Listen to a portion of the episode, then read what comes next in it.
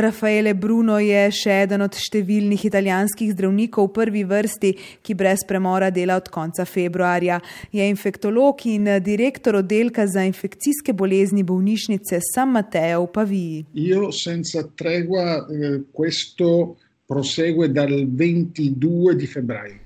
Brez premora delam že od 22. februarja. Težko je, ampak opravljam takšen poklic, ki predvideva določene obremenitve v nekem strnjenem času. Mi samo opravljamo svojo dožnost. To gre z roko v roki s poklicem. Da si tam, ko te potrebujejo. Odpočili se bomo, ko bo čas za to. Zdaj še ni. E medici quindi poi si riposeranno quando sarà il momento, ma adesso devono lavorare. Rafaele Bruno je tudi profesor infektologije na Univerzi v Paviji in član številnih znanstvenih odborov. Udeležen je v raziskave na področju terapije hepatitisa in sočasne okužbe z virusom HIV. V tem hipu pa sodeluje pri raziskovanju sicer omejene možnosti zdravljenja koronavirusne bolezni 19 s krvno plazmo zdravelih bolnikov. Zdravila še ni, cepiva tudi ne, zato so se lotili eksperimentalne terapije, ki sicer ni nekaj novega, takšno zdravljenje okužb obstaja že več desetletij. Come ha detto lei, non è una strategia nuova, è una strategia molto vecchia. Ja, tako kot ste rekli, to res ni nova strategija. Temeli pa na tem, da kdor zboli za koronavirusom in potem ozdravi, ustvari proti telesa. Praktično je zadeva zelo enostavna na prvi posluh. Pri ozdravljenih pacijentih oduzamemo kri, potem v krvi oziroma krvni plazmi pregledamo prisotnost proti teles, jih na to v laboratoriju izmerimo in ustavimo v bolnike. E vengono quantizzati in laboratorio e poi vengono rinfusi in pazienti che sono ancora ammalati. Pri nas ta hip vodimo nekakšen eksperiment s 43 pacijenti. Za zdaj še nimamo končnih rezultatov. Ta hip se kaže kot terapija, ki bi lahko bila ena od mogočih strategij zdravljenja. A moramo biti tudi realni, ne smemo vzbujati lažnega upanja. Najprej moramo pridobiti znanstvene rezultate in šele na to lahko rečemo, da je nekaj učinkovito. Edino, kar lahko zdaj z gotovostjo trdim, je, da to ni rešitev težave. To je terapija, ki jo lahko uporabimo v izrednih stanjih. Ni pa to strategija za obsežnejšo uporabo. Eh, emergenza, ma non è una strategia che si può usare su larga scala. Pred dnevi, konec marca, so v bolnišnici v Mantovi odpustili prvega pacijenta, ki so ga zdravili s takšno terapijo. 53-letni Mauro je tako po sedmih dneh po ustavitvi proti telesu zdravljenih pacijentov s COVID-19 zdrav zapustil bolnišnico. Metodo so že uporabljali v preteklosti pri boleznih, kot sta SARS in MERS, tudi ebola. Prvi eksperiment v svetu za koronavirusne bolnike so preizkušali na kitajskem, kjer se je ta metoda izkazala za učinkovito virusa skoraj ni bilo več zaznati v telesu, ugotavljajo v študiji objavljeni v znanstveni reviji Journal of American Medical Association. V Italiji so s plazmo do časa pogovora z dr. Brunom zdravili 14 pacijentov, prvi rezultati so spodbudni. Ko bodo na takšen način pozdravili vseh 43 pacijentov vključenih v eksperiment, bodo študijo o rezultatih tudi objavili. A dr. Bruno pravi, da na veliki populaciji ta metoda nikoli ne bo uporabna perché è una strategia molto complessa. Da, preprosto gre za preveč zahteven in dolgotrajen postopek. Končna strategija je ali cepivo ali zdravilo. Cioè la soluzione è il vaccino o una compressa. Questa è una strategia molto complessa da fare. Gre torej le za začasno rešitev in pomoč manjšemu številu težje obolelih, saj obstaja težava pri zagotavljanju zadostnega števila primernih darovalcev, torej mlajših in takšnih, ki nimajo pridruženih bolezni, samo laboratorijsko delo pa je dolgotrajno. V italijanskem eksperimentu so za zdaj pridobili plazmo 27 donatorjev, sicer pa so o takšni terapiji začeli razmišljati že takoj po prvem primeru obolelega.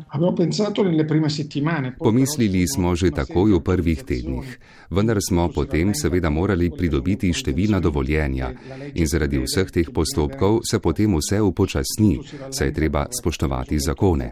V to terapijo za zdaj še ne vlagamo prevelikih pričakovanj. Najprej moramo pridobiti podatke in rezultate te eksperimentalne dobe, potem lahko podamo neko strokovno mnenje.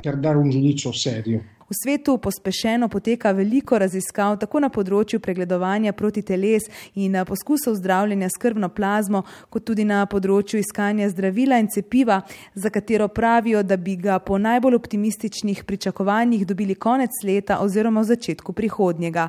Kako pa bomo živeli do takrat, karantena ni realna možnost. Živeli bomo z maskami.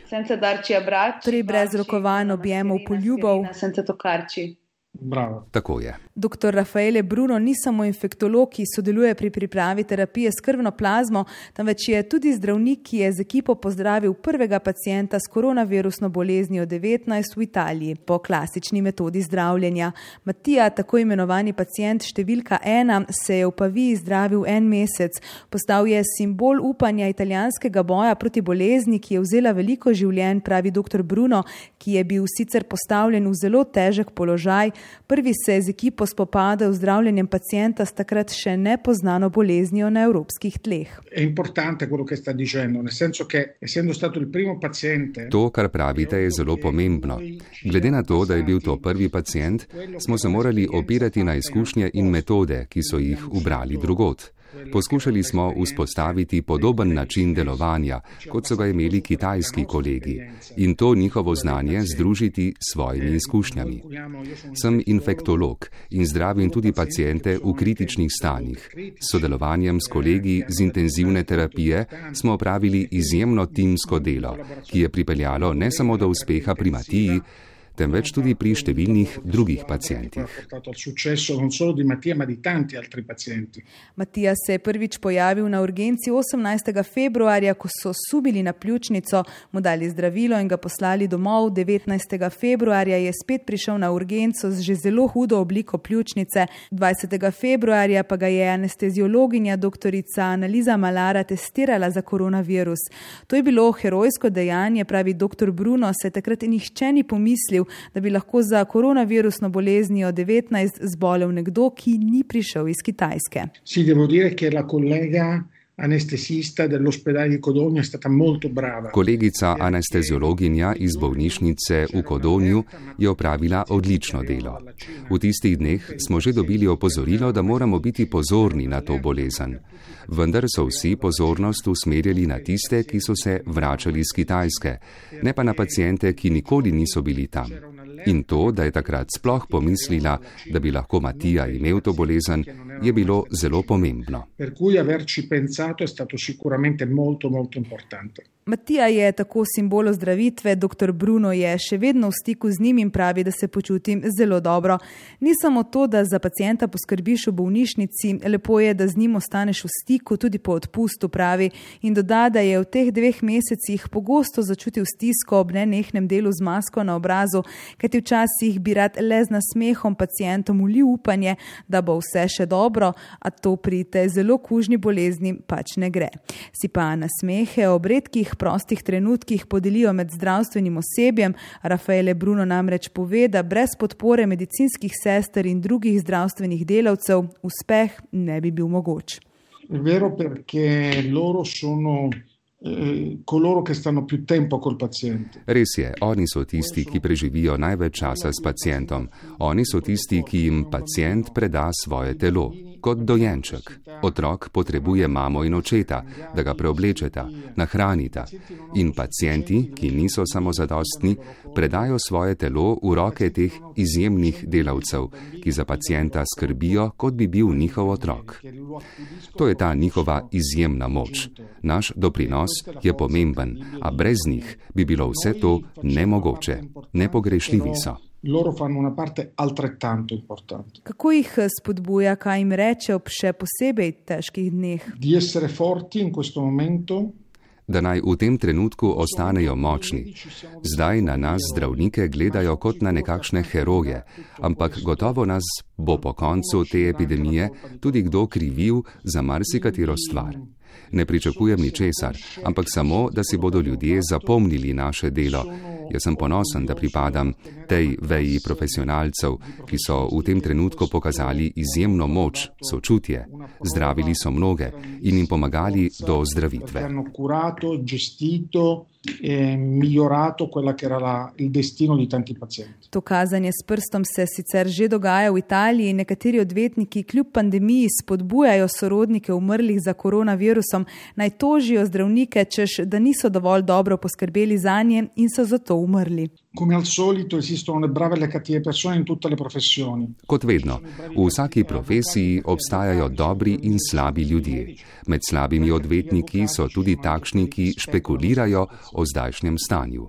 V Italiji je vedno pravi čas za polemike. To je lastno italijanski biti. Ko nekdo dela dobro, ni potrebe, da ga je strah česarkoli in kogarkoli. Verjamem, da bo iz tega časa usklila hvaležnost. Insomma, spero che ci sia della riconoscenza. Optimistično zre v prihodnost infektolog Rafaele Bruno, direktor infekcijskega oddelka bolnišnice San Mateo v Paviji, ki sodeluje tudi pri eksperimentalni študiji zdravljenja bolnikov s koronavirusno boleznijo 19 skrbno plazmo. Če ga boste poiskali na spletu, lahko njegove razmisleke najdete tudi na družabnih omrežjih. Na Twitterju je pred kratkim zapisal kratko, a povedno misel, ki v teh časih še glasneje odzvanja v naših ušesih. Normalnost je privilegij in tega ne smemo nikoli pozabiti. To si mislim že veliko časa. Normalno življenje, kot je sprehod, druženje z ljudmi, s katerimi se imaš dobro, pogovor na štiri oči. Vse to je privilegij, saj se lahko v življenju hitro zgodi sprememba. Mislim, da bo to kot 11. september, v smislu, da nič več ne bo, kot je bilo, vse dokler ne bomo imeli cepiva. Prej ste rekli, da se ne bomo smeli objemati, poljubljati, človeški stiki se bodo spremenili in to bistveno vpliva na naš način življenja. Zato trdim, da je normalnost privilegij. Per cui ecco perché dico che la normalità è un privilegio.